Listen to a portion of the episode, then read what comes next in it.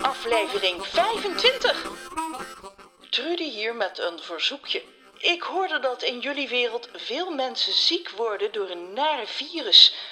Dus was goed je handen en zing tegelijkertijd vier keer...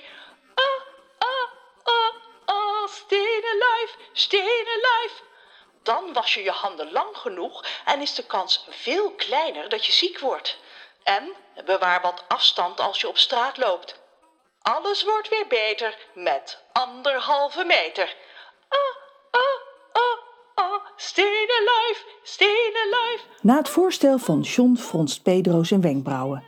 Dus jij wilt voor mij paella koken, zegt hij verbaasd. Klopt, zegt John. Zodat ik de alle smaak naar zandvloek ophef. Juist, hinnikt Pedro. Hij begint steeds harder te lachen.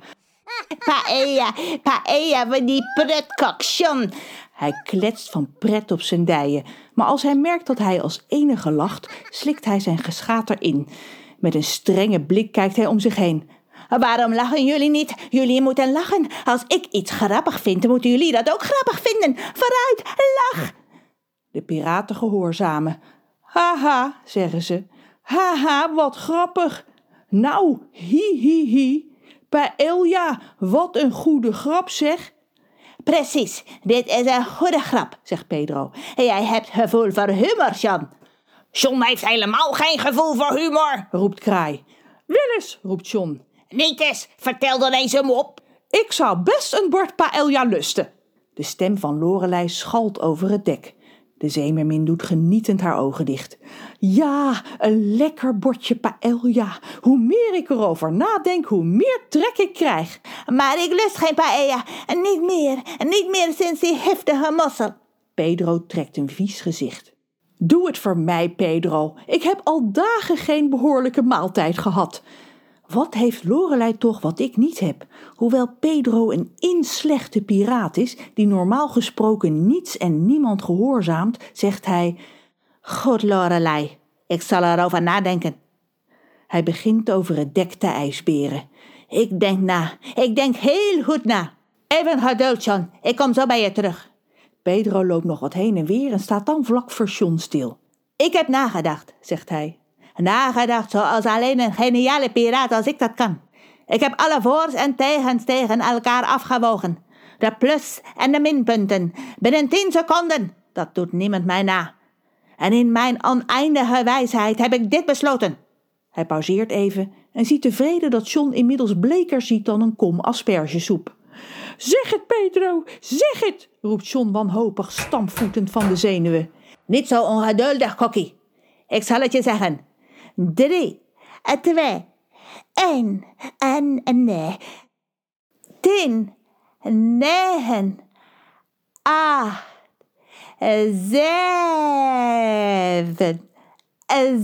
zes. Schiet op, Pedro. Gun je me nou mijn paella of niet? roept Lorelei vanuit haar tijl.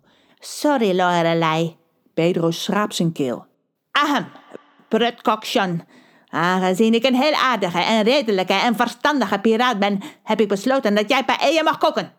John steekt zijn handen juichend in de lucht, maar als Pedro een waarschuwende wijsvinger opsteekt, laat hij ze snel weer zakken.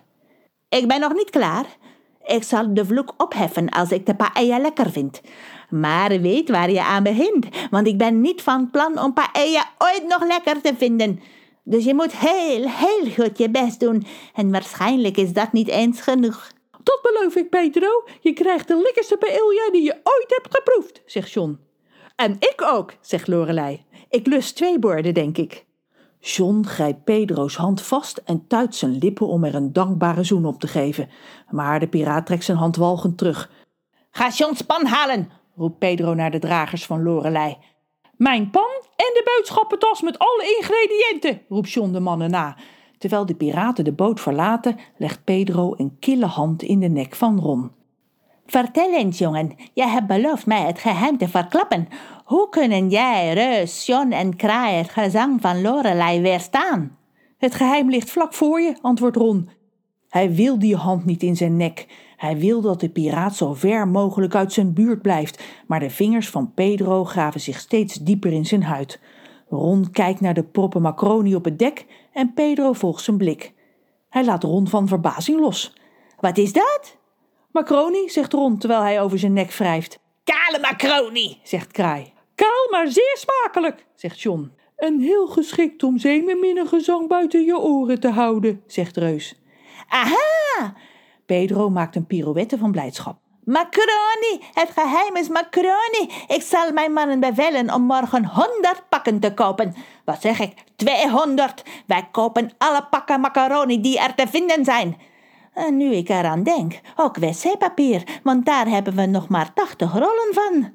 We hebben ook keukenrollen nodig, roept een piraat. En blikken bonen, vult een ander aan. En ik wil paracetamol voor als ik kiespijn krijg. We kopen de hele winkel leeg en laten lekker niets over voor de mensen in Schijmuiden, zegt Pedro, opgetogen in zijn handen klappend. De piraten die door Pedro waren weggestuurd om de pan en boodschappentas van John uit de bus te halen, zijn inmiddels op de terugweg. Wat bent u van plan met die pan? roept een verslaggever vanaf de kade. Jullie gaan Ron toch niet opeten? roept Rons moeder in paniek. Laat Ron onmiddellijk gaan. Ook Kelly Roest van de politie is weer wakker. John trekt zijn schort recht. Ik ga naar de kombuis, zegt hij. De allerbeste paella ooit koken. Veel succes, je zult het nodig hebben, zegt Pedro met een gemene blik. Ik heb namelijk iets bedacht om het nog wat uh, spannender te maken. In het onmogelijke geval dat de paella lekker is, hef ik de alle smaak naar zandvloek op. Want een man een man, een woord een woord.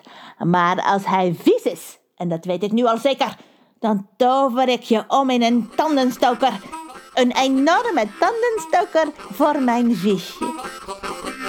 Paella is vies. Bah, hatsing. Vind je dat ook als ik er een uh, gebakken eitje op doe?